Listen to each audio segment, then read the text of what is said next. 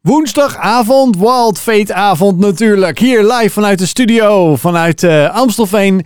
Wild Fate, het eerste uur wat uh, weer gestart mag worden met een fantastische lekkere song van The Best of Avalon, Testify to Love. Nou, dat, uh, die liefde, daar zit het helemaal goed mee volgens mij. Want ja, het is natuurlijk weer zo'n dag dat je denkt van wauw, wat mooie dingen heb ik mogen meemaken. Of misschien wel juist niet zo'n dag dat je denkt, ah, waarom? Maar toch, liefde komt altijd terug. Want het is niet voor niets. Geloof, hoop en liefde. En de liefde is de allerbelangrijkste. Marije, hoe zit het met de liefde? Met de liefde? Oeh, nou ja, ik ben inmiddels uh, al bijna weer een jaar getrouwd, uh, Joost. Dus ja. uh, dat is gewoon echt heerlijk genieten. Daarom, het is niet openbaar of zo dat ik dat op de radio wilde doen hoor vanavond. Maar ik denk, ja, toch eens even vragen hoe het, hoe het ermee gaat. Maar ja, gelukkig, gelukkig. Ja, ja, ja, ik weet dat jullie hele leuke dingen samen ook doen. Want uh, daar zitten heel veel dingen bij die jullie met elkaar ook doen. Dat vind ik wel heel leuk uh, als ik jou en je partner uh, ja, ook een beetje ken. Onder andere natuurlijk ook iets waar ik een beetje bij van warm loop, is motorrijden. Ja, dat sowieso. Ja. Ik dacht al dat je daar naartoe ging. Ja, dat is die liefde, hè, die motorrijdliefde. Ja, ik wacht nog op de dag dat je mee gaat hardlopen, Joost. dat, dat zal nog even op zich doen wachten, denk ik. Dat deel ik wel ook met mijn partner, inderdaad. Ja, ja, nou ja ik hou ervan om wel te wandelen. Want ik heb wel eens begrepen, Marij, heel eerlijk gezegd, dat wandelen eigenlijk nog beter is dan, uh, dan hardlopen voor je gewrichten. Ja, of zwemmen of fietsen. Dus ik doe alle triathlonsporten. Dus ik wissel het echt wel bewust een beetje af, ja. Heel verstandig. Dus, maar dat al heb je dus over, hè, waar geniet je dus van? Hè, we beginnen natuurlijk altijd met uh, het geluksmomentje. Ja, maar ik moet wel eventjes onze gast van vanavond introduceren. Oh, dat was ik nog even vergeten. We zitten al helemaal erin. Maar uh, nee, we hebben vanavond natuurlijk weer een spraakmakende gast gevonden bij Wild Fate hier op Wild FM. Zoals jullie weten, gaan wij elke woensdagavond in gesprek met iemand die ja, uh, uit het leven gegrepen niet zozeer uh, de dingen meemaakt, maar wel ja, waar veel dingen gewoon gebeuren, maar uiteindelijk altijd Jezus centraal staat. Want dat is uiteindelijk waarom we dit programma ook op Wild FM maken. Wild Fate geloof. Wat is nou dat geloof wat in een rode draad in iemands leven is? Nou, en vanavond hebben wij weer zo'n gast gevonden, Marije. Uh, deze man die ik al heel wat jaartjes ken, niet zozeer uit het oog verloren ben. Want kijk, lang leven de socials en allerlei andere activiteiten. Dat je van elkaar kan horen, dat je elkaar kan zien, dat je af en toe elkaar ergens tegenkomt. Want hij is een oud collega zelfs van mij blijkt dat tegenwoordig vandaag de dag. Want hij werkt het, uh, nu uh, bij een uh, organisatie, heet Vrienden van de Hoop. Hij is een echte netwerker. Hij houdt ervan om te ondernemen. Hij is een pure ondernemer, een echte pionier puur zang. Dus hij houdt ervan om dingen op te starten, maar daarna ook eigenlijk weer over te geven. Vergeet dat wel eens, waardoor dat hij eigenaar wordt van een bepaalde onderneming, waar hij leuke dingen en mooie dingen mee mag, mag doen. Maar nu heeft hij gezegd, nu even niet. Ik ga echt even een sabbatical nemen. Want ik heb de tijd nodig in mijn eigen hoofd en in mijn eigen hart om te kijken wat God wil doen in mijn leven. Nou, dat mogen wij vanavond dus een beetje gaan uitspitten en uitdiepen. Niet zozeer dat wij het antwoord daarop kunnen geven, maar wel hoe dat allemaal zo gekomen is dat hij nu op dit punt is. Het is niemand minder vanavond dan Eddie Boevink. Woehoe! Hey, Eddie, leuk dat je er bent. Ja, dankjewel. Man, wat een introductie. Ja, ja, als jij ons programma hebt geluisterd, dan weet jij altijd dat ik daar mijn, uh, mijn beetje mijn, uh, ja. mijn werk van probeer te maken. Ja, maar het overvalt altijd even. Ja, ja ben ik dit? dat ja, je zat, dat je zat flink te shine al. Ja, van oeh, dit is echt wel herkenbaar. dit gaat echt wel over mij. Ja, ja, ja, mooi. ja. Nou, leuk dat je er bent, uh, Eddie. Ja, leuk om er te zijn. Ja, ja. dankjewel. Nou, ik hoop ook dat er natuurlijk veel van je collega's meeluisteren vanuit ons oude werk, waar jij nog steeds betrokken bij bent, vanuit Vrienden van de Hoop en de Hoop. Maar dat is even een zijsprongetje, want Marije zei het al, dat geluksmomentje Marije. Ja, ik zou bijna zeggen, we hebben het al over allerlei leuke dingen gehad. Dus ik ben heel benieuwd wat jij vanavond uh, inbrengt. Ja, ik heb volgens mij nu niet echt een uh, sportuitdaging op de, op de planning staan. Oké. Maar uh, in augustus lanceer ik wel weer een nieuw boek. Dus ja, waar het zo hmm. dat dat weer een heerlijk vooruitzicht is waar ik enorm druk mee ben. In ieder geval in mijn hoofd of bij tijd en wijle gewoon uh, achter de computer. Maar dat is wel echt waar ik enorm van kan genieten. Dus ik ga je weer uh, spammen, Joost, met allerlei boekverhalen. En jij denkt echt, oh nee, we hebben er net de ene nog niet eens een jaar geleden gelanceerd. Maar de volgende komt eraan. Dus dat, uh, dat maakt me heel erg gelukkig. Kijk Mooie projecten om aan te werken. En uh, altijd weer hier te zijn op woensdagavond. Dus Mooi. ook dat is een geluksmomentje. Ja. En uh, Eddie, ik ben wel benieuwd. Heb je ook iets waarvan je zegt van ja, dat is echt iets wat ik wil delen met de luisteraar. Ik wil Ja. je inspireren met mijn geluksmomentje. Nou ja, weet je, ik heb eh, mijn leven lang geluksmomentjes gekend, dus laat ik dat. Maar wat ik wel echt een geluksmoment vind, is, eh, is waar we eigenlijk mee bezig zijn als gezin. Ik ben getrouwd met Debbie. Volgend jaar zijn we 25 jaar getrouwd. Dus dat gaan we ook mooi vieren. Maar in het kader daarvan hebben we met elkaar als gezin afgesproken. We gaan dit jaar eh, een maand naar Australië. Maar een klein geluksmomentje. Maar dat geluksmomentje, dat is eigenlijk nu al. Omdat met, mijn, met onze drie zonen, eh, ik noem ze even, want ik vind namen belangrijk. Joas, Silo en Tobia zijn 19, 17 en 15. En met ons vijven hebben we ook afgesproken, één keer per maand komen we aan de tafel bij elkaar. En dan gaan we ook al die reis voorbereiden. Dus daar zijn we eigenlijk al een maand of twee, drie mee bezig. Oh, wauw. omdat we in juli, augustus echt een maand eh, weggaan. Dat is toch echt de beste. Ja, Joost die vertelde al eerder dat hij met eh, eh, kerst, oud en nieuw naar IJsland gaat. Ja. Ik Ook ja. zoiets. Dus eh, die zit ook allemaal al, al maanden van tevoren te, zich te verlekkeren op een reis. eh De echt voorpret, hè? Fantastisch. De ja, voorpret. echt, echt de voorpret die, die er kan zijn. Ja. Ja. En die is er ook, ja, absoluut. Ja. En Ja. Joost, eh, ik kan me voorstellen dat dat hele IJsland eh voorpretverhaal nu ook getriggerd wordt. Of Ja. heb je nog een ander geluksmomentje waarvan je zegt dat wil ik graag delen? Ja, nee, nee. Kijk, het is een geluksmomentje wat ik elke week hier bij Walt FM, eh, bij Walt eh, tegenkom, eh, Marije. En dat is namelijk dat ik, voordat wij deze uitzending beginnen, altijd eh, een Thais eten krijgen. Gesponsord door Thai van Sky. Hij heeft al heel veel acties hier op Wild Fate eh, gedaan. En eh, draait commercials, doet leuke dingen met de socials. Ik hoop ook dat hij nog jarenlang eigenlijk partner blijft van Wild Fate. Eigenlijk van Wild FM. Want daardoor krijgen wij dus altijd een klein beetje heerlijke voorproefjes vanuit zijn keuken. En die, ja, het restaurant vandaan. Want ze hebben ook een restaurant erbij. Thai van Sky die ons weer dat lekkere eten verzorgt. Voordat wij vol power hier eh, zo'n avondje radio kunnen maken. Dus dat is weer mijn geluksmomentje Marije. Ja, daar sluit ik me natuurlijk helemaal bij aan. Dus Dat- eh, heb je al, vanavond ja. nog niet gegeten en je denkt, ik heb nog zin in wat lekkers? Thai from Sky.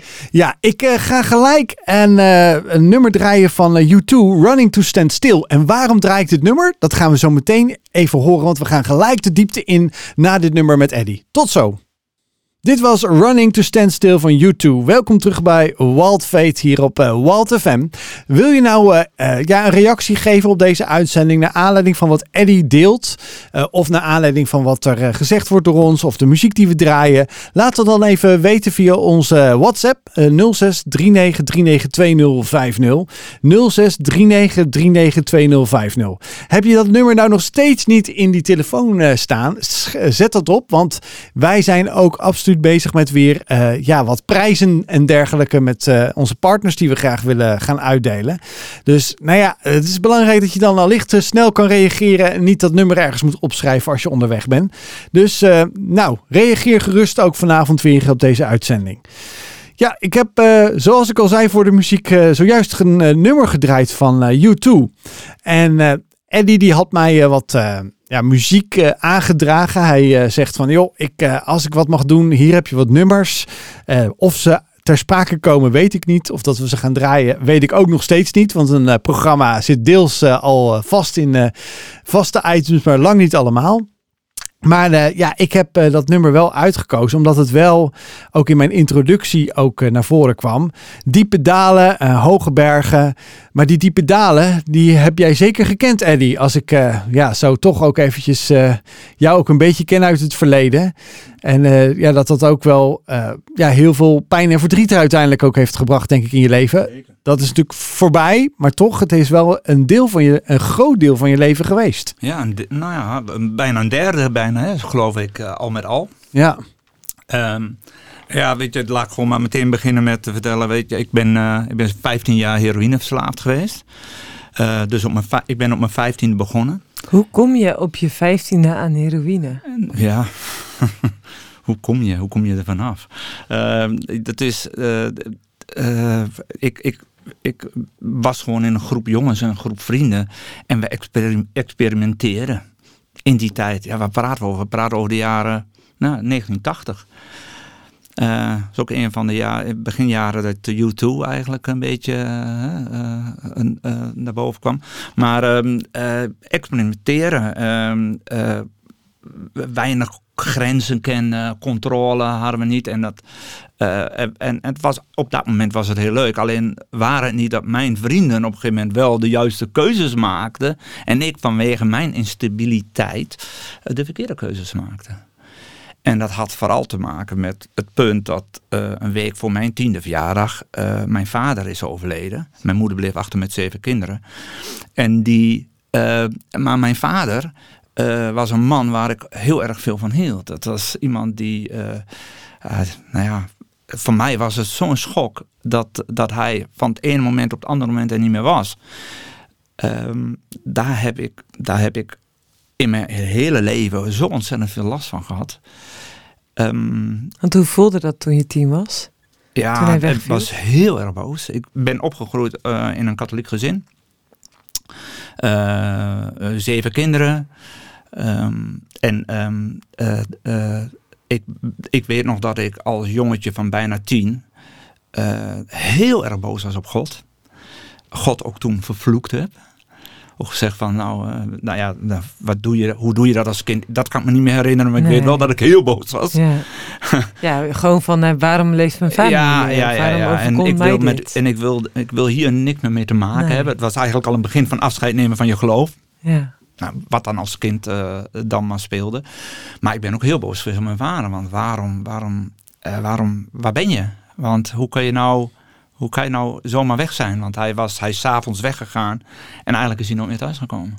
E, eventjes voor, jou, voor mijn beeldvorming. Eddie, in die zeven kinderen, welke, welk van de kinderen was jij? De, ja, de oudste, de jongste? nee, ja. De um, middelste? Het grappig, ons gezin is, uitge, uh, is, is onderverdeeld in drie oudste jongens. Een meisje in het midden. En drie jongste jongens. Zo, dat meisje heeft Ja, het meisje heeft het heel goed gehad. Sorry zus, als je het meer luistert. Marijke en ik, het is echt geweldig, geweldige, geweldige zus. Uh, maar, um, en ik was de oudste van de drie jongste. Oké. Okay. En ik had nog een broertje van acht en een broertje van vijf toen. Oh, ja. In die tijd. Uh, die hebben mijn vader niet echt meer goed, echt, echt bewust meer meegemaakt. Maar ik heb gewoon nog heel veel mooie herinneringen. Of heel veel. Soms denk ik wel eens, als ik nadenk over de herinneringen. En misschien herken je dat wel dat je soms nadenkt over de herinneringen of de dingen die je hebt meegemaakt. Zijn ze wel echt gebeurd die je in je hoofd hebt? Of heb ik ze soms niet op wel geromantiseerd? Uh, nou ja, dat of erger gemaakt of groter gemaakt. Ja. Goed. Uh, ben wat gebeurde er met je vader? Hij, hij vertrok met de auto? Nee, nee, nee. Hij, uh, hij uh, was vlak na vaderdag, was in juni. Zelf 19 juni jarig en mijn vader overleed, geloof ik, op 10 juni of 12 juni 1975, dus al best wel lang geleden. Maar, uh, uh, maar hij, ging, uh, hij, kreeg met, hij kreeg een tennisracket. En is toen, ik geloof één of twee avonden al meteen amateur gaan tennissen. Zeg maar, zo'n beetje op zijn tennisbaan. En op de, s'avonds van het tennissen terug naar huis is hij, is, heeft hij een hartaanval gekregen op de fiets. En, en is van de fiets gevallen en, en ja, dat was het. Zo. Ja. En ik hoorde dus de volgende ochtend um, na het school gaan. Uh, uh, ik geloof dat was toen tijd klas 4 of groep. Het is nu groep 6, dat is allemaal veranderd. Maar uh, vertelde mijn oudste broer dat Eddie, ik moet je wat ergs vertellen. Ik zei, ja, wat dan? Ja, papa, ja, papa is overleden, papa is dood. Ik zei, nou, en als je dan bij ons zo de trap af liep, dan kon je zo de keuken in kijken. En nou ja, dat is ook, dat, dat vergeet je ook nooit. Dat vergeet ik in ieder geval nooit meer. Uh, ik zag mijn moeder met de rug naar mij, naar, naar mij toe staan. En die draaide zich om omdat ze hoorde wat mijn broer zei. Want ik zei tegen mijn broer, ja, je maakt daar toch geen grappen over? Ja. Jochie van tien jaar, maak je toch geen grappen ja. over? Maar ik zag mijn moeder met haar behuilde gezicht. En toen wist ik dat het waar was. En dan, mijn wereld is ingestort toen. Ja. Dat was uh, ben je helemaal uh, sprakeloos van als je dat zo hoort. Ja, en, en dat raakt me ook, weet je wel. Nog steeds. Ik, soms denk ik wel eens van, praat ik eigenlijk over mijn eigen leven? Dan, maar ik heb dat ook met, met anderen. Weet je. Als anderen nou opgroeien zonder een goede vader of moeder. Of het gemist hebben. Of de liefde gemist hebben. Of ergens programma's als DNA onbekend. Weet je wel, dat soort programma's. Ach, weet je wel, dat, ja, of Dream School. Ja. Daar zie je eigenlijk ook al dat al die tieners, al die jongeren, die hebben of een vader die niet aanwezig is, of een vader die inderdaad overleden is. Ja. Gewoon zoveel impact dat het heeft als je zonder vader opgroeit. Ja, en, eh, dat, en ik zie ook gewoon uh, in, in de wereld waarin we leven, zie ik ook eigenlijk heel veel vaderloosheid. En dan hebben we het niet over bloedverbanden. Maar ik hoef niet alleen vader te zijn van mijn kinderen. Mooi, uh, Ellie, dankjewel uh, dat je voor de muziek zo een uh, persoonlijk verhaal, ook echt een diepteverhaal hebt gedeeld. We luisterden zojuist naar Wees niet bang van, van de Lise. En ik denk wel dat, ja, misschien nu, ik weet niet in hoeverre je dat nog kan herinneren voor jezelf. Maar wees niet bang als je als tienjarig jongetje te horen krijgt dat je vader overleden is. Die de avond tevoren is gaan tennissen. Je staat s ochtends op, je oudste of een van je oudere broers die zegt tegen je, ja papa die is er niet meer, papa is dood. Je loopt die trap af, je ziet, dat je ziet die lege plek. Je kijkt naar mama, je naar je moeder. Je kijkt in de ogen, je ziet dat het is. Dan ja, zingt dat, dit lied als Wees niet bang. Maar dat kan me voorstellen dat je, nou ja, bang, verdriet, alles door je hoofd ging op dat moment. Boos. Boos. Heel boos, hè? Uh, ja, zeker. Maar ook heel veel verdriet. Want ik heb ook heel lang daarna, of heel lang, uh, steeds, dan zag ik iemand fietsen op straat. En dan dacht ik dat, dus in mijn beeld dacht ik, oh, dat is, dat is papa, weet je wel, dat jongetje nog. Eh, dat was natuurlijk niet zo. Maar het verlangen om je vader of mijn vader terug te zien of weer te ontmoeten, ja, die was, dat was heel groot. Uh, dood is heel uh, resoluut en heel cru ook, hè, dan. Ja. Dat is eigenlijk wel een, belangrijk punt ook waar, ik, uh, waar we dat, uh, het eerste blokje eigenlijk echt mee begonnen. Dat ik zei van toen we naar YouTube dat nummer draaiden.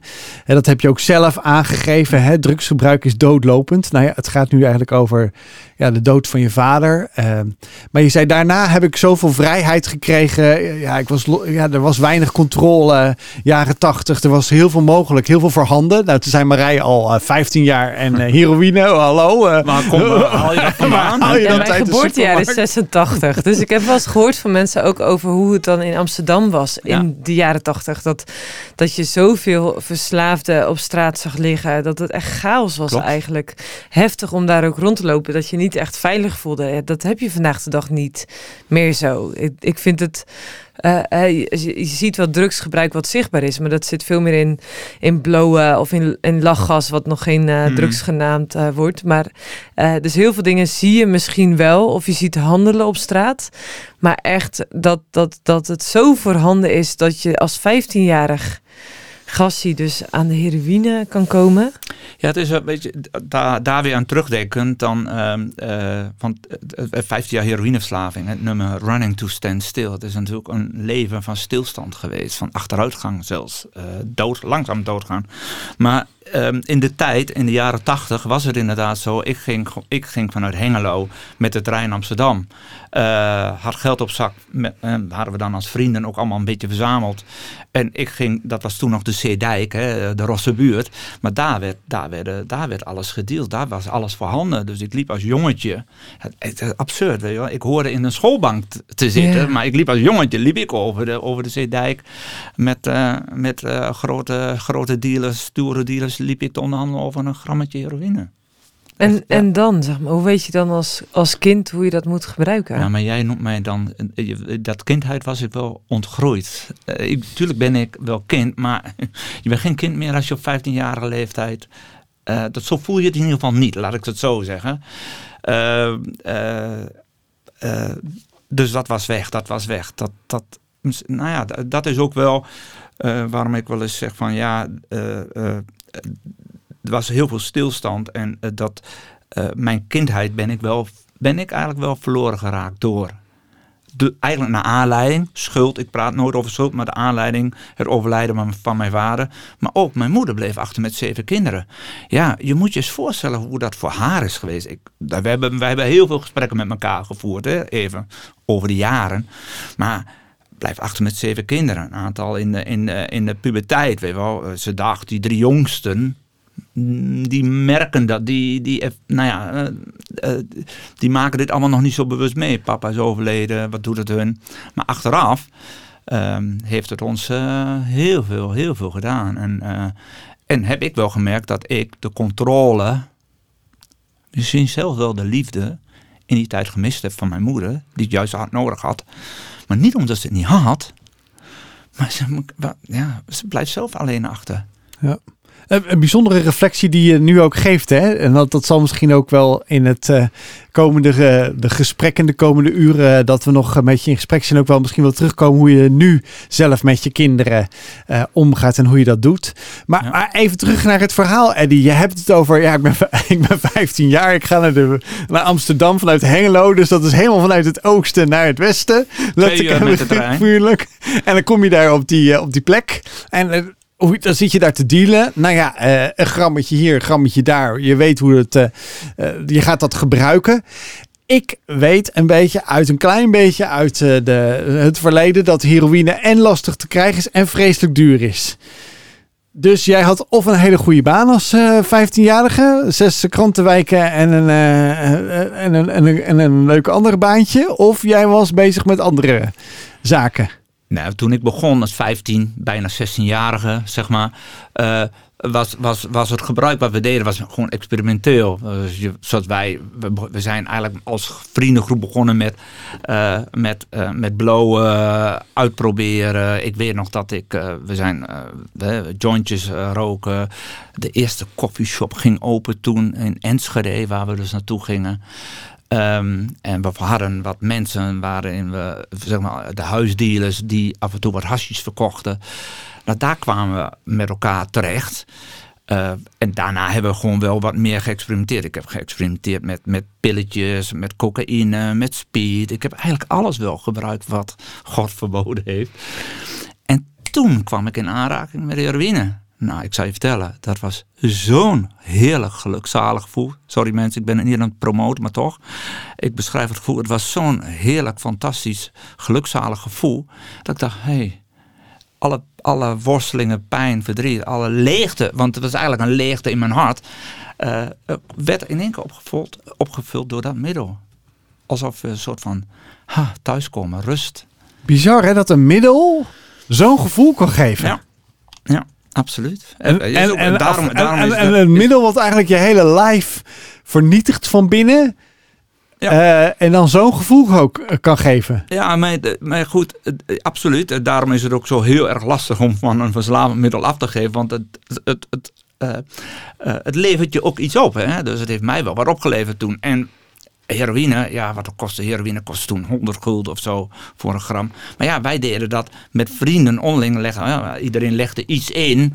En, uh, en, en ik, ging, ik ging dan even, ik ging op pad. Uh, soms ging er nog iemand met me mee. Dat is wat we in het begin deden. Dat was eigenlijk, eigenlijk een beetje qua jongensachtig, onschuldig leek het toen. En de rest zat in de schoolbanken en jij niet dan? Ja, nou, even, nee, ja, klopt. nee, klopt. Ik, uh, ik, uh, ben, uh, ik ben heel vroeg van school gegaan, ja. En toen was ik nog leerplichtig. Toen moest ik nog naar een avondmavel, maar daar ben ik ook nauwelijks geweest. was klaar voor mij.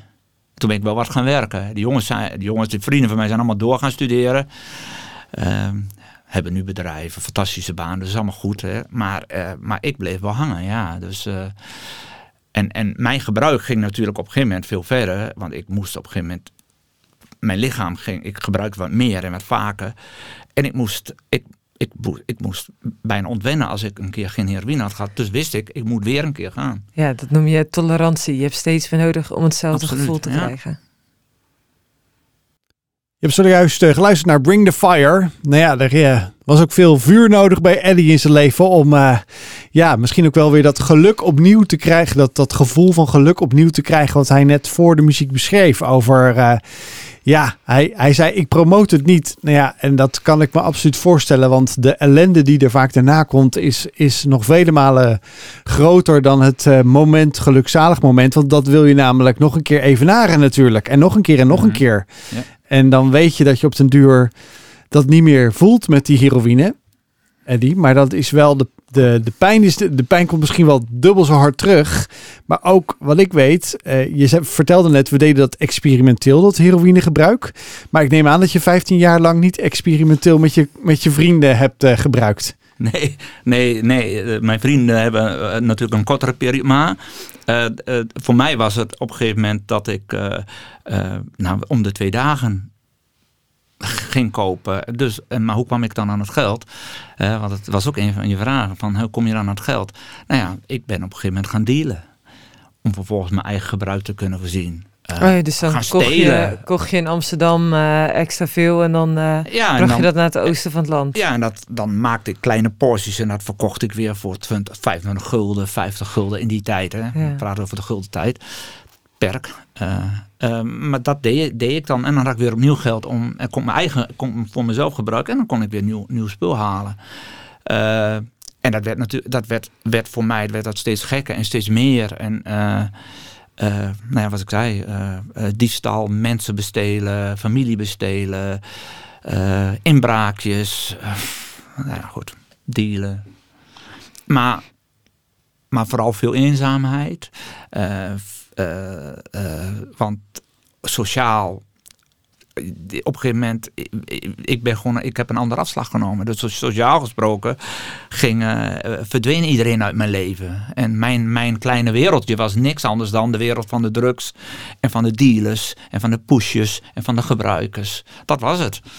Uh, uh, dus dat was wel een, is wel een, een, zeker een pittige periode geweest. En een lange periode. Ja, want ik was zeggen 15 jaar. hoe, hoe, hoe gaan die jaren dan voorbij? Gaat het dan zo in, in de rush van elke dag van gebruiken, dealen, geld komen, en zorgen dat je weer de volgende shot hebt, weer zo door? Nou, ik heb niet, niet geshot. Uh, bij, ik, ik rookte in die tijd uh, het spul. Maar ik heb, ook wel, ik heb ook wel baantjes gehad. Dus ik, heb ook, ik ben al op 15, 16-jarige leeftijd ben ik gaan werken bijvoorbeeld. Uh, en ik kwam op een gegeven moment in een schildersbedrijf terecht waar ik werkte. daar werd, nou ja, je kreeg gewoon elke, elke week of ja, elke week je loon. Dus ook dat heb ik wel veel, veel gedaan, veel gewerkt. Men noemde mij vroeger ook wel uh, de sociale junk, de gouden junk, omdat ik het blijkbaar toch voor mekaar kreeg om nog best wel een behoorlijke vriendengroep steeds om me heen te hebben. Uh, die me ook af en toe hielpen. Oh, we helpen, we helpen Eddie de Junk wel weer even, want hij, uh, ja, want hij heeft weer wat nodig. En dan, anders is hij ziek en dan is hij, dan, nou ja, goed. Uh, dan kun je hem er niet bij hebben. En ze vond ook wel leuk dat ik erbij was. Of ze uitgingen of gingen stappen. Nou, het was dan gezellig. leenden ze me weer 50 gulden. Ga je maar eerst wat halen en dan gaan we vanavond even lekker uit met elkaar, zoiets. Je open blik en vriendelijke lach die je nu hier hebt, die had je toen ook al, eh, Eddie. Ja, blijkbaar. Ik uh, ben nog steeds, uh, ja, ik lig nog steeds goed in de markt. Nee. hey, maar, om vriend mee te worden bedoel je dan, hè? Toch? Ja. hey, en wist je moeder dat toen al? Ja, tuurlijk. Ik weet nog dat ik mijn schoonzus toen voor het eerst verteld heb hoe mijn leven eruit zag en dat ik, dat ik dus gebruikte. En zij had het toen toch vanwege de zorg verteld aan mijn moeder. En mijn moeder had wel vermoedens, maar niet, niet op deze manier. Uh, joh, ik was 18 en toen ging ik al naar mijn eerste kliniek. Weet je, dus de, ging naar de Jellinek in Amsterdam. Uh, mijn broer die in Amsterdam woonde, uh, die had geen flauw, die wist wel dat ik wat deed, maar die had geen flauw idee dat, het al, dat ik al zo ver heen was. Uh, maar ja, en dat was drie jaar later, drie jaar ja, dat je startte. Twee, drie jaar later, ja. ja. Toen was al de eerste keer dat je een kliniek binnenkwam ja. om, te, om hulp. Ja, ja. te vragen of hulp te krijgen. Ja, want kijk, iedere verslaafde uh, wil er vanaf. Er is geen enkele verslaafde die, oh, ik ben zo blij met mijn verslaving, laten we dat vooral blijven doen. Maar eraf komen is gewoon hartstikke moeilijk. Maar iedere verslaafde wil, wil er vanaf. En dat wilde ik ook wel. Ik wist alleen niet hoe. Ik, en wat uh, kreeg ik er dan voor terug? Ja. Ja, dan ging je al, dat, al datgene weer voelen. Die leegte en dat verdriet en die boosheid die je eigenlijk niet wilde voelen. Ja, en vooral die leegte en, en alles wat daar achteraan komt uiteindelijk. En dat is natuurlijk uiteindelijk door therapie, uh, opnames, uh, uh, is dat, heeft dat wel een plek gekregen natuurlijk. En wat maakte dat het na 15 jaar wel lukte? Wat maakt, ja, 15 jaar, 15 jaar, ja. Je was ergens beland in zo'n dieptepunt of in zo'n punt, markeringspunt, dat je dacht, ik kan ook niet verder. Nee, dat is, het was dood of leven. En een vriend van mij, die, uh, die, die, uh, waar ik mee gebruikte, waar ik vroeger mee gebruikt heb. Ik was vroeger was ik zijn eerste dealer, maar was een goede vriend van mij. Maar die had, had zich aangemeld bij de Hoop in Dordrecht toen, in die jaren. En die zat einde, einde behandeling en die heeft mij toen een keer een kaart gestuurd met een magazine, de Hoop Magazine. En die schreef toen, Eddie, zou de hoop niet wat voor jou zijn? Daar ben ik later, na nog acht eerder opnames gehad te hebben in mijn leven, ben ik uiteindelijk daar terechtgekomen in de jaren negentig. En dat was ook echt omdat je dacht, het is nu dood of leven. Het is nu klaar. Ja, het is, het is of beter worden en dealen met die verslaving. Het was, was een van de twee. En ik, zoals ik al zei, iedere verslaafde wilde vanaf. Maar echt een, diepte, een, van de, een van de dieptepunten in mijn leven is dat ik wel twee keer langs de spoorlijn heb gelopen. Om een einde aan mijn leven te maken. Alleen uh, doodgaan durfde ik niet. En leven kon ik niet. Het bijzondere is dat ik vorige week, pas vorige week, voor het eerst weer terug ben gegaan naar die plek waar ik mezelf voor de trein wilde gooien. heel, heel Hoe was het om daar te staan? Het deed me helemaal niks. Nee? nee, echt serieus niet. Het was, was Wat maakte dat je terugging? Uh, een student van de Saxion die uh, wilde mij interviewen. Oh, dus die wilde je ja, daar die, ook... dus aan de hand van een verhaal en ah. een, een beetje een, een, een, een, een, een, een rondtocht rond in Hengelo langs drie, vier plekken. En toen dacht ik, oh, misschien, uh, uh, misschien moeten we daar eens naartoe gaan. Oh ja, dus dat bracht je toen weer terug naar dat ja, spoor. Dus dat was, en dacht, oh ja, maar ik weet, ik weet natuurlijk wel op het moment dat ik, kijk, dat, ik weet dat wel, dat voel ik ook wel, dat ik langs die spoorlijn liep en dat ik dacht van ja, het is klaar, ik ga mezelf voor de trein gooien. Maar goed, zoals ik al zei, doodgaan durfde ik niet en leven kon ik niet. Stel je voor dat iemand nu luistert en die zit ook op zo'n wipstoel. Ja, weet je, achteraf is altijd makkelijk praten. Ik heb een geweldig leven, getrouwd, drie prachtige zonen. Ik, dus dat, ik heb het heel goed. Uh, ook met ups en downs hoor, even, op ander gebied. Want leven is, is, is, is niet altijd maakbaar met wat je overkomt. Maar ik, het, is, ik, het zou jammer zijn dat, dat, als je, dat je als je op dat punt komt dat je, dat je een einde aan je leven maakt. Het raakt me ook altijd als, het, als ik lees en zie en hoor dat het gebeurt. Ook mensen die nou ja, voor, voor, voor de eigen dood kiezen. Uh, uh, wat zou ik willen aanraden? Ja, ik zou bijna tegen mensen willen zeggen: bel mij of zo. maar ja, dat gaat natuurlijk niet. Maar neem contact op. Ga praten met mensen. Want dat is wel belangrijk. Dat je blijft praten over wat je, hoe je je voelt en uh, wat er met je gebeurt. Want dat hebben we gewoon, dat heb ik destijds te weinig gedaan, uiteindelijk wel. Maar dat wil ik mensen aanraden. Ga praten. Ga praten. Zet je hart open. Kwetsbaarheid laten zien. Moeite laten zien. Pijn laten zien. Man, oh, spreek erover. Ja, dus als je nu luistert en, uh, en je zegt van hé, ik wil erover spreken, maar ik weet niet met wie ik erover moet spreken. Eddie zei bel mij. Maar we hebben ook een hulp, hulplijn uh, binnen Nederland. Dat is 113. Dat is de, de zelf, zelfmoordpreventielijn. dus zeg je van hé, ik, ik merk dat dit me heel erg raakt, dat dit een appel doet. En we hebben ook nog een stichting in Nederland, dat heet Stichting Chris. En dat is een organisatie die zich inzet voor kinderen en jongeren. dus zeg je van, hey, dat is uh, mijn doelgroep of ik ken iemand uh, die daar uh, mee te maken heeft. verwijs vooral door, stichtingchris.nl. En het is zo goed om jezelf ook bewust te zijn van, ook al weet je het even niet, of ook al zie je het niet, of ook al zeg je van, hey, leven, ik heb geen idee hoe dat moet. Maar dood gaan wil ik ook niet. Help me dan. Zoek hulp, echt waar dat is echt denk ik het allerbelangrijkste wat je zou kunnen doen nu in deze situatie. Ja. Bedankt uh, voor uh, even dit appel te geven, ook voor onze luisteraar die uh, misschien hiermee worstelt, Marije. wij gaan er even uit met een fantastisch nummer. Dat heet I Can Only Imagine van Mercy Me. ja, misschien ook wel juist in dit bewuste moment. En daarna moeten we er even uit voor de commercials en, en het nieuws van 9 uur. En daarna zijn we, nadat we dit, ja, na het gesprek van het dieptepunt, gaan we bouwen aan omhoog en opwaarts, Eddie. Dus Blijf lekker zitten. We gaan uh, zo meteen verder met uh, jou uh, in gesprek. Race Up van Lazarus, welkom terug bij het tweede uur van Wild Fate hier op Wild FM. Ja, we zijn in gesprek vanavond met Eddie Boefink. En ja, hij vertelde in het eerste uur over zijn ja, hele worsteling rondom zijn verslaving. En dat hij echt op een doodspoor zat. Letterlijk en figuurlijk moest kiezen tussen leven en dood. Uh, daar gaan we ook een tweede uur met hem over doorpraten. Heb je nou dat eerste stukje, het eerste uur gemist? Dan uh, geen probleem. Morgen komt de podcast online. Dan kun je via de socials van uh, Wild FM en de Wild Foundation kun je dat terugkijken. En ook op Spotify kan je al onze verhalen van de afgelopen jaren kun je terugluisteren. Dat is Wild Fate de podcast. Gewoon uh, via Spotify, via uh, uh, de iTunes Store kun je daar nog een keer al die verhalen, die inspirerende verhalen terugluisteren. Daar hebben we de muziek van bijna alles tussenuit geknipt. Behalve als we de rechten hadden van de muzikanten die hier bij ons in de studio zaten. Dan hebben we dat erin gelaten om ja, je ook daarin mee te inspireren. Want dat hopen we ook dat we het met dit programma Wild Fate mogen doen. Dat je geïnspireerd raakt en dat je ook kan zien en horen. Vooral bij ons natuurlijk hier op de radio. Van wat God doet in mensen hun levens. Dat Jezus leeft vandaag. Dat het niet zomaar een stopwoord is of een, uh, een scheldwoord of wat dan ook. Maar dat Jezus leeft. En dat is door elke studiogast hier op een andere manier uh, ervaren en beleefd. En die beleven dat ook op andere manieren. En vanavond uh, spreken we daar verder door met, uh, over met Eddie. Want hij vertelde ook dat hij echt in een dieptepunt zat. En uh, ja, hij al verschillende manieren had geprobeerd om van zijn verslaving, een 15-jarige verslaving aan heroïne, af te komen.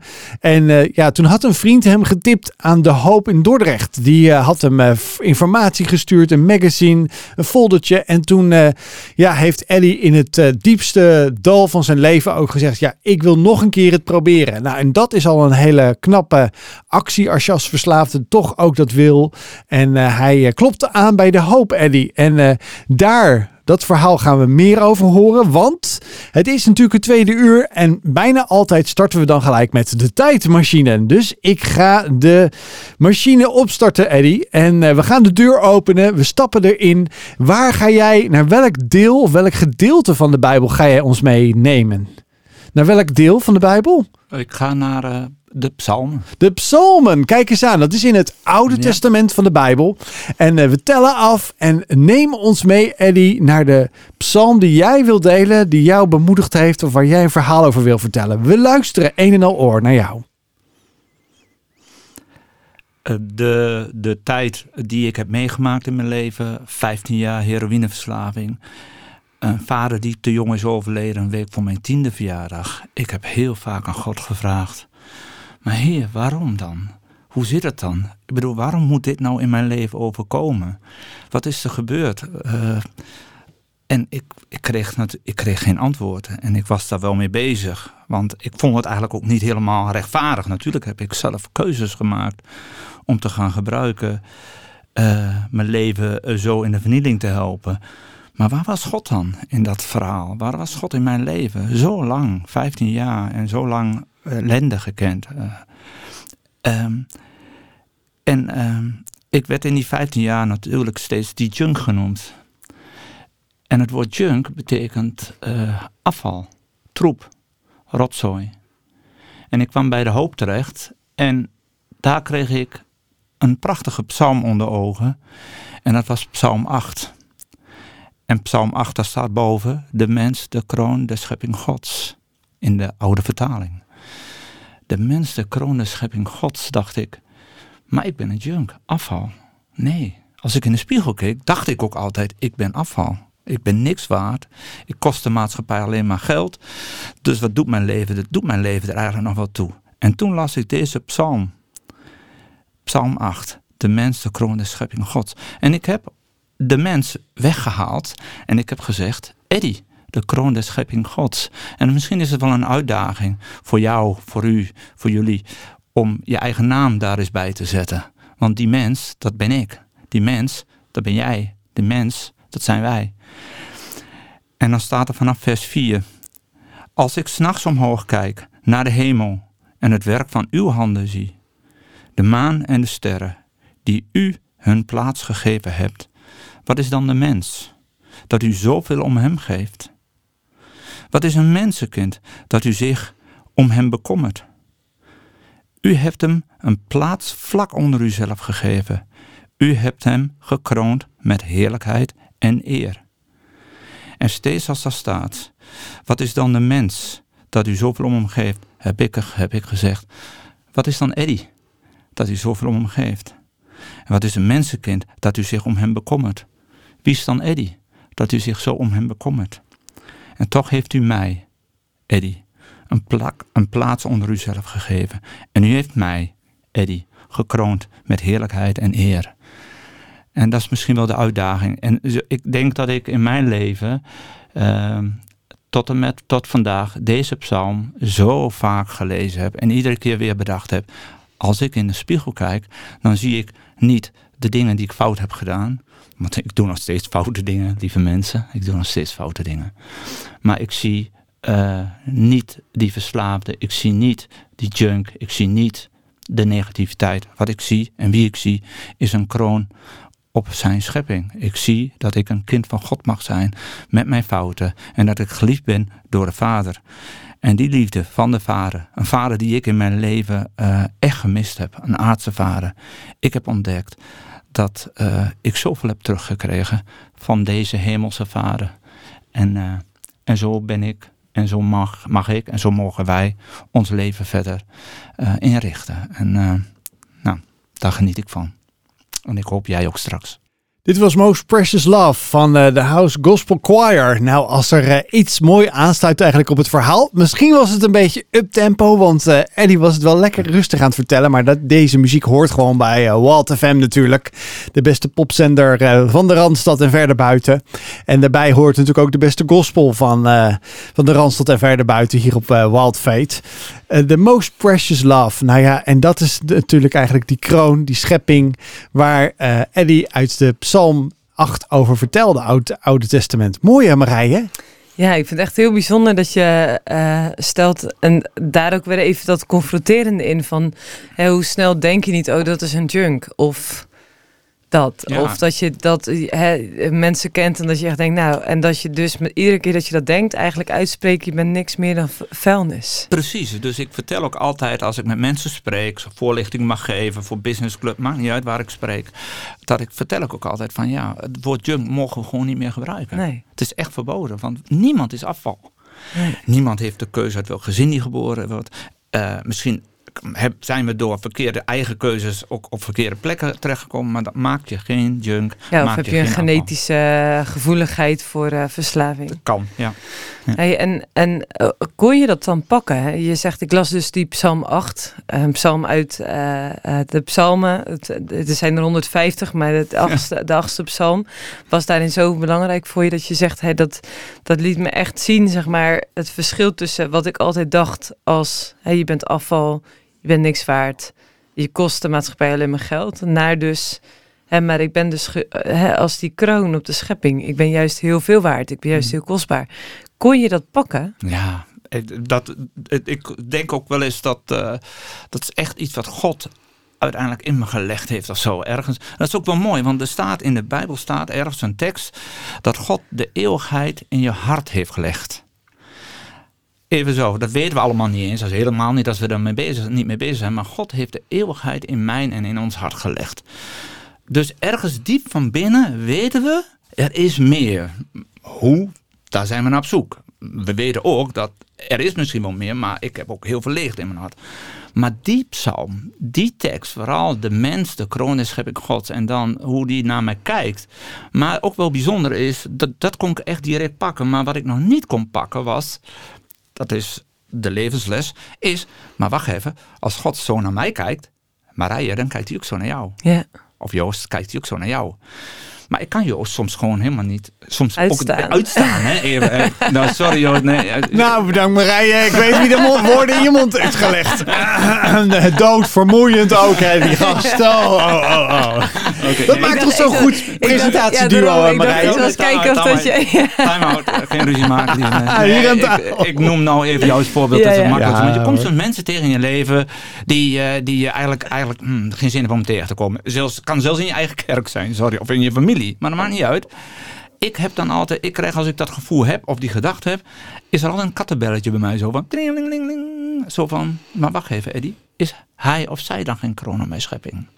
Dus het maakt voor mij ook een stuk makkelijker om op straat met mensen, met zwervers en met wie dan ook maar, gewoon te gaan praten, koffie te geven, Uh, nou, dat soort dingen. Dus ja, omdat ik weet, maar jij bent ook een de ja. Dus echt die verbindingen te leggen met zeker, mensen. Zeker. Waar we soms misschien als maatschappij een bochtje omgaan. Ja, en dat snap ik ook wel. Maar ja, je kan niet alles allemaal alleen maar de schuld bij die persoon neerleggen. Nee.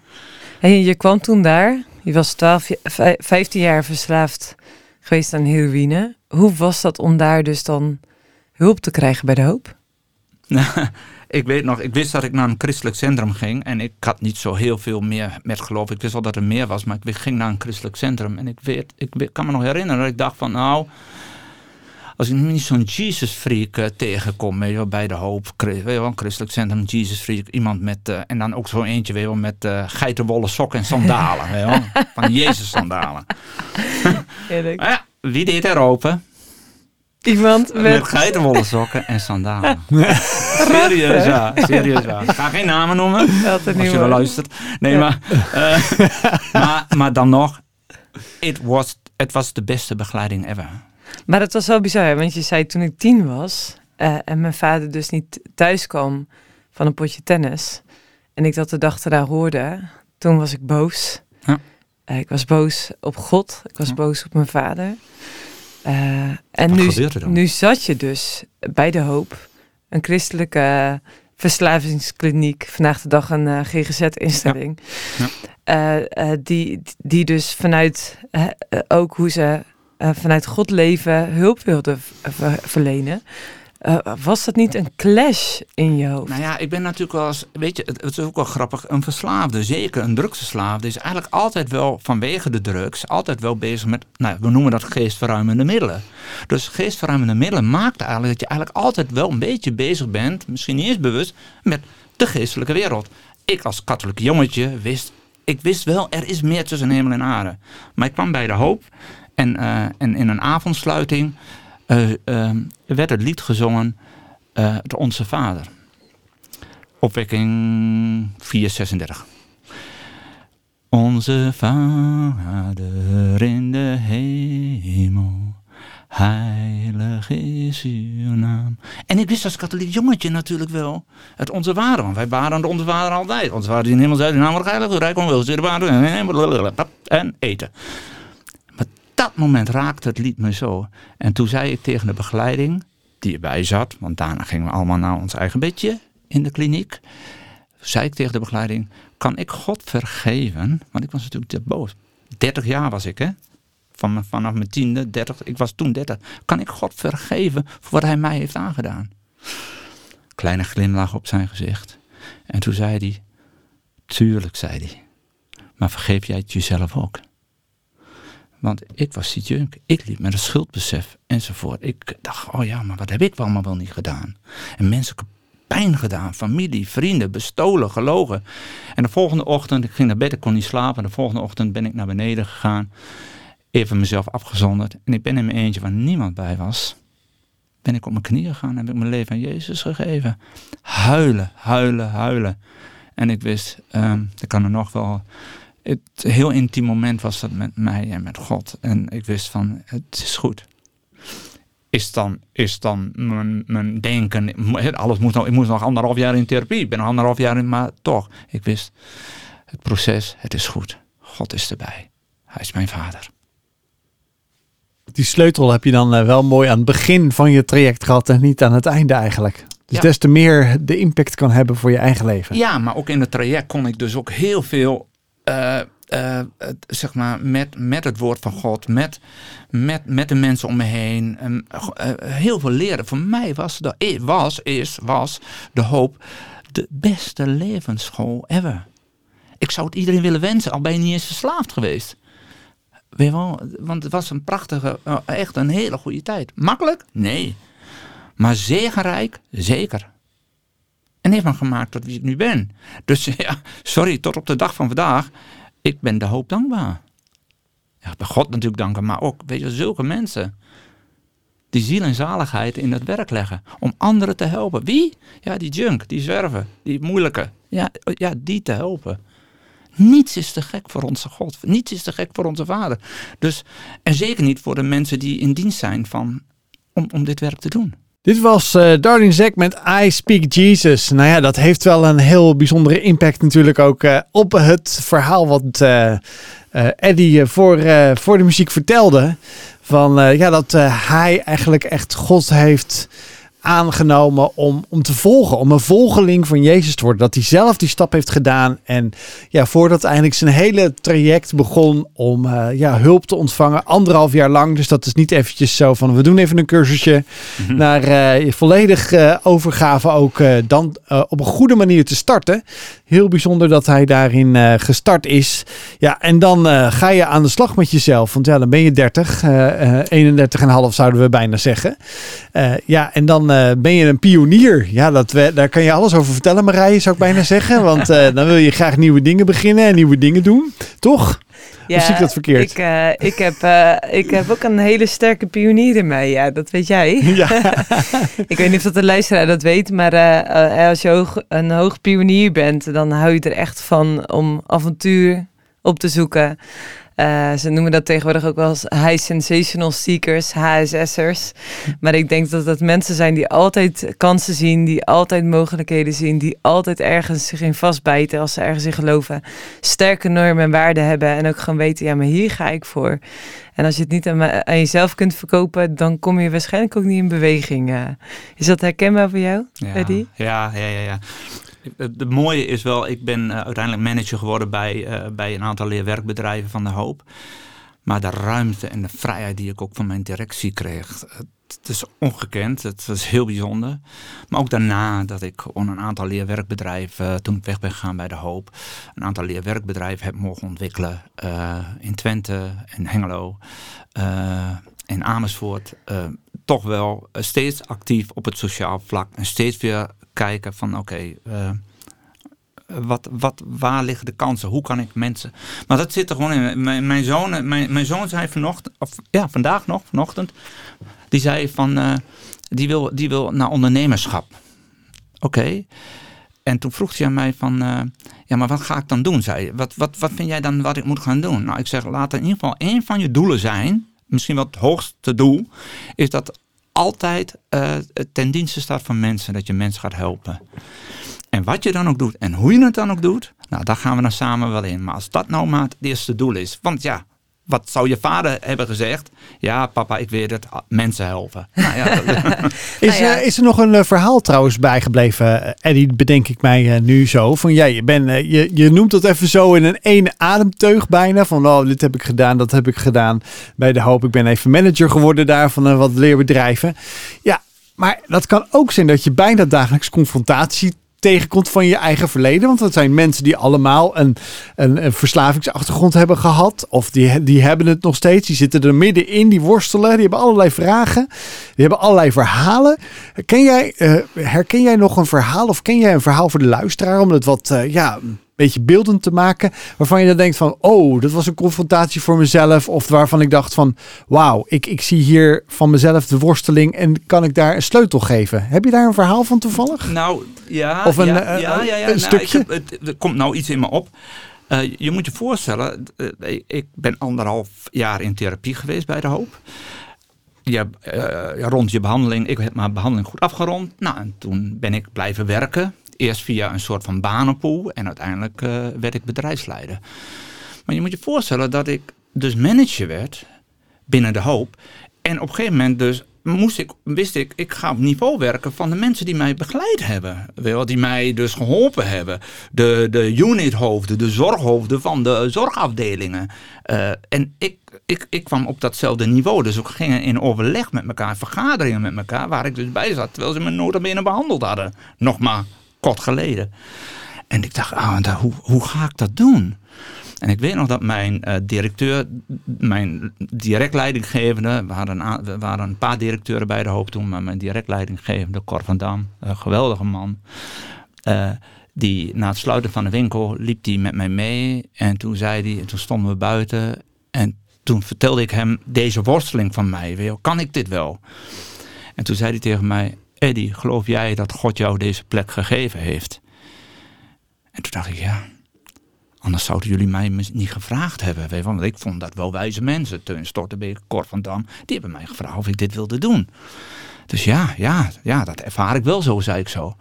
Nou, toen zei hij, dan gaan we nou heel symbolisch. Gaan we hier buiten, in het donker, onder een lantaarnpaal, bij onze auto's, een stap zetten.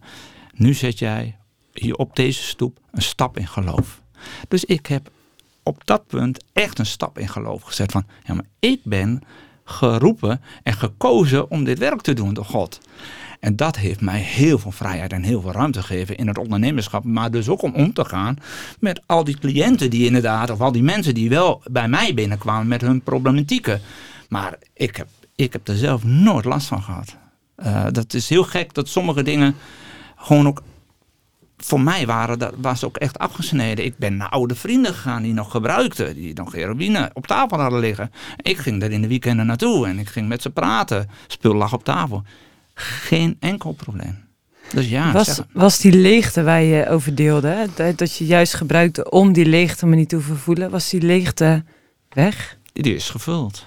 Ja, ja die is Waar gevuld. Is die om, nou, meer uh, gevuld door God, maar ook wel, het was ook wel een, een vulling van, van van, van eigenwaarde. Van hé, hey, ik uh, mag er zijn.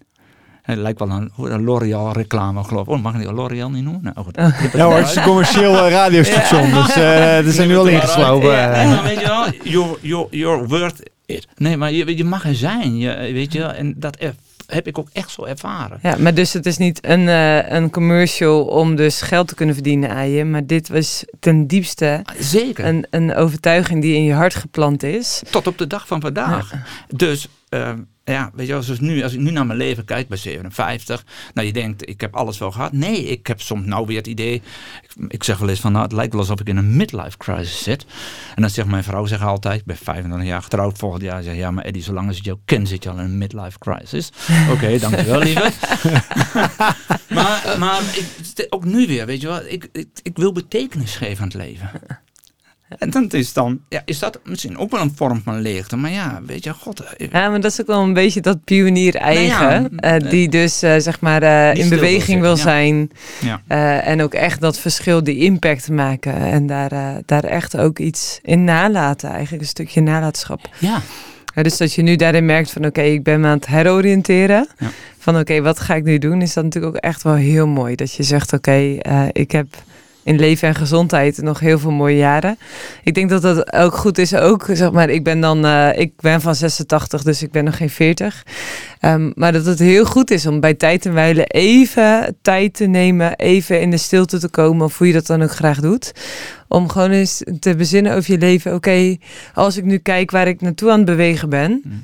is het ook waar ik naartoe aan het bewegen ben. En zo mooi wat jij zegt. Uh, in onze maatschappij gaat het heel erg over wat uh, is mijn winst, wat haal ik hieruit. Terwijl jij zegt, ook tegen je zoon, het gaat er ook juist om hoe jij van betekenis kunt zijn voor anderen. Hè? Dus, dus ook die beweging te maken van oké, wat voor impact heb je in de levens van anderen. Misschien wel zonder eigen verdiensten. Ik vind het wel heel interessant, Ellie. Je zei ook wel van, uh, ja, ik had die drive om, uh, om natuurlijk daar te starten. Je hebt die stappen genomen, je hebt veel gedaan. Maar toen kwam er een moment dat je dacht van, ik ga terug naar mijn oude plekje. Naar mijn oude stekkie. Ik pak de boel op en we gaan terug naar het oosten. Ja. Vanuit het westen, ja. letterlijk en figuurlijk. Om daar ook mensen tot ja, hulp te zijn. Hoe, hoe is dat een beetje zo gekomen en hoe is dat ik, uh, begonnen? Ik, nou, ik kwam, ging dan wel eens vanuit Dordrecht, waar ik dan woonde met mijn vrouw en twee zonen, gingen wij, ging ik wel eens naar Hengelo. Het oude vrienden opzoeken, mijn moeder opzoeken. En ik kwam op een gegeven moment op straat, kwam ik Isa tegen. Isa, Turkse jongen, die ik ken van vroeger. En Isa liep over straat met gebogen hoofd. En ik zag hem in de verte aankomen lopen. Ik liep naar hem toe en toen keek hij mij aan. En ik zag allemaal wonden in zijn gezicht en hij was onder, sterk onder invloed. En toen zei ik, Isa, wat zie jij eruit? En toen zei hij tegen mij van, Eddie, leef jij nog? Wow. En toen dacht ik, ja, ik ben weggegaan naar Hengelo. Er zijn inderdaad mensen die dus denken, nou, Eddie is er niet meer. En dat was eigenlijk wel een van de momenten waarvan ik heb gezegd, nou, tegen mijn vrouw zei, we gaan nu stoppen bij de hoop. Uh, alles gedaan. Ik, uh, ik wil terug naar, uh, naar Hengelo om daar wat te beginnen. Nou, dat heb ik gedaan een aantal jaren gedaan, een aantal mooie dingen opgezet. Waarvan bijvoorbeeld één bedrijf, Paviljoen de Ontmoeting, een echt een prachtige prachtige parel in de binnenstad van Hengelo. Zou je echt naartoe moeten gaan. Als leerwerkbedrijf bestaat nog steeds. Uh, dat heb ik mogen opzetten, heb ik mogen bedenken. Maar goed, uh, zeven jaar. Hengelo was toch niet, toch niet uiteindelijk waar we, mm, waar we begraven wilden worden. Je hebt zojuist geluisterd naar Chris Lieselot van Peace with, Be With You. En dat komt heel mooi uit het Eddie dit namelijk zelf heeft meegebracht, uh, dit nummer. Of ingebracht in deze uitzending. Want uh, ja, hij zegt het van uh, net waar hij mee eindigde van... nou ja, dit wil ik niet achterlaten zo. Hij zegt zelfs in zijn voorbereidingen, Marije, toen hij mij deze nummers mailde, zei hij... het zal ook een van de liederen zijn als ik deze wereld verlaat. in het moment dat hij deze mail naar me stuurde. Maar het heeft ook nog een veel mooiere betekenis namelijk. En die mag jij vertellen. Ja, nou kijk, dit nummer is het lied dat, uh, waarin uh, Debbie de kerk binnenkwam, mijn vrouw, toen we trouwden. Uh, dit, en dat is nog steeds een van onze lievelingsnummers. Maar maar de tekst is ook heel sprekend, wel, waarin staat, uh, er wordt gezegd van uh, bloed in je gezicht, dat je in een modder bent gevallen, maar, maar dat je dan toch altijd, wat er ook gebeurt in je leven, wat je ook mee hebt gemaakt, dat, je, dat, dat, dat de vrede van God, dat die, dat die met mij is en met ons is en met jou is. En nou ja, ik zou, ik, en ik heb voor, ja, gekscherend natuurlijk tegen jou, naar jou geschreven, Joost, van nou, als ik deze wereld verlaat, dan zal dit een van de songs zijn die, uh, die gespeeld gaat worden, zeg maar. Weet je wel, omdat ik, uh, dat is het. Uh, maar Eddie, even nog ja. gekscherend gezegd. Je bent als pionier, je hebt nu je sabbatical. We zitten ook al wel helaas weer aan het laatste blokje van hm. dit programma van Wild FM van Wild Fate. Voordat we helaas uh, weer uh, ja, deze uitzending uh, moeten verlaten. Want dan uh, moet er weer doorgang voor de volgende uitzending komen. Maar in ieder geval, uh, je hebt nog zoveel ideeën. Dat ik zeg dat je ook hebt gezegd van... Ik moet er echt een schifting in maken in mijn hoofd. Ik heb veel dingen, ik heb veel mogelijkheden. Je hebt drie prachtige zonen, zoals je ook al zei. Ik zie en hoor daar heel veel trots op uit. Ook, mm. ook 25 jaar getrouwd met je vrouw Debbie. Nou, dat is al in deze tijd ook al niet meer zomaar wat. Uh, dus dat is iets heel moois om te vieren. Naar, uh, samen met elkaar naar uh, de andere kant van de wereld te gaan. Maar ja, dan kom je weer terug, Eddie. En ik neem aan dat je toch wel een keer, een keer weer aan de arbeid zal moeten. Al is het maar alleen maar om wat brood op de plank te krijgen. Ja, nou ja, ik, ik, ben wel, ik ben wel steeds meer bezig. Ik wil niet meer werken voor geld. Uh, natuurlijk moet er geld verdiend worden. Maar als geld de drijfveer is, dan zou ik dat een is dat gewoon echt een hele slechte. Zeker voor mij. Uh, dus ik, ik, zoek daarin inderdaad van welke betekenis ga ik zometeen. Hè? Ik ben gestopt met mijn bedrijf. Uh, ik heb nog een stichting. Wij hebben nog een stichting. Uh, ga ik, die is nou even slapende. Ga ik, wat ga ik doen? En het is nu inderdaad de tijd om alle ideeën die in mijn hoofd opkomen in de stille tijd, in de stilte die ik nu even heb, om, en de gesprekken die ik ook voer met allerlei vrienden, zakelijke vrienden uh, en, en, en, enzovoort, om, om op te gaan schrijven, nou welke ideeën komen er in mijn hoofd, komen er, en die schrijf ik in mijn telefoon. En ik ben er ook echt van overtuigd dat het, dat ik maak me daar ook echt, echt waar, helemaal geen zorgen. Heb ik nog nooit gedaan. Ik heb me nog nooit zorgen gemaakt over mijn baan, over mijn werk of wat dan ook. Nog nooit gedaan. Nee, want als er iemand echt ondernemersbloed heeft, dan ben jij dat wel. Ja, maar ik vind, weet je, ik, eh, heel eerlijk, als ik naar anderen, ik ken, ik ken ondernemers, nou, die zijn pas echt goed. Kijk, mijn, probleem is, mijn probleem is altijd van, uh, dat is ook mijn probleem, denk ik. Weet je wel, het ondernemen om voor anderen iets te doen, dat is wel, dat, dat vind ik geweldig en dat is ook wat ik goed kan. Maar het administratief en een financiële gedeelte, dat is niet mijn ding. Dus dat moet ik ook niet alleen doen. Mm. Ja. Nee, dat is dan ook altijd wel belangrijk, denk ik. Hey, al heb je het over gezond leven of verslavingsvrij leven of leven met God of leven door de moeilijke seizoenen in het leven heen of ondernemerschap of wat je ook, ook doet in het leven. Ik denk dat de kracht juist ligt in de verbinding dus met elkaar. In erkennen, sommige dingen kun je niet zelf, maar hoef je ook niet zelf. En uh, samen is het leven veel leuker. Net zoals dat wij samen, Joost en ik, samen radio maken. Mm. Uh, er wordt in het vak wel eens gezegd dat het juist heel moeilijk is om uh, te duwen presenteren. Maar wij vinden het juist ook echt heel erg leuk. Ik spreek ook even voor jou, Joost. Ja, dank je Marije. Ja, dat voegt, en maar dat is juist ook echt heel erg mooi. En als ik zo je verhaal hoor en de hopeloosheid die je ervaarde na zoveel jaren verslaving. En dat je zei, ik liep dus langs die treinrails waar ik laatst weer kwam voor een interview en merkte, het doet me dus niks meer. Want die leegte die je ooit voelde, waarin je echt radeloos was wellicht wel van, hoe kan ik ooit nog leren leven of het leven vinden? Je hebt het gevonden en je deelt het nu rijkelijk uit naar andere mensen. Ja, dat, ja, en dat wil ik niet, want uh, dat doe ik niet door alleen maar over Jezus te spreken. Maar eigenlijk, uh, um, als we het hebben over weer dat geluksmomentje waar we mee begonnen, geloof ik. Hè? Mm -hmm.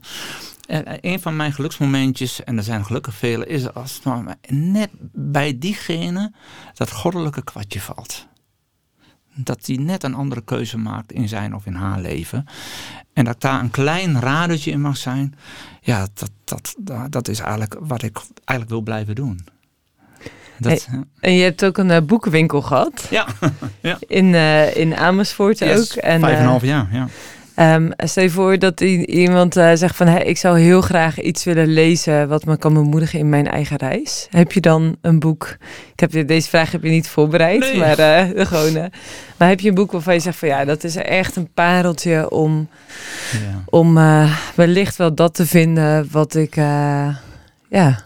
Nou, wat ik, wat ik altijd wel mensen heb geadviseerd is uh, dat wat, wat wel gebeurde is mensen dus in depressiviteit bij me kwamen. Dan wilde, wilde men vaak een boek lezen over depressiviteit. Uh, en ik raadde dan vaak aan als je al depressief bent moet je er zeker geen boek over lezen.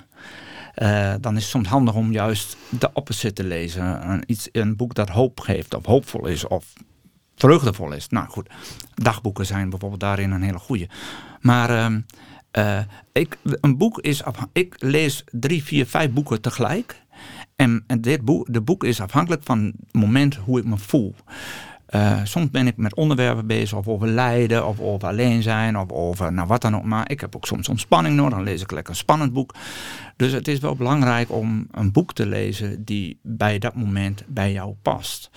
Uh, en ik kan jullie, ja, ik, kan, ik, lees ook, ik lees ook eigenlijk alleen maar de uh, christelijke boeken, omdat er heel veel, heel veel mooie boeken zijn.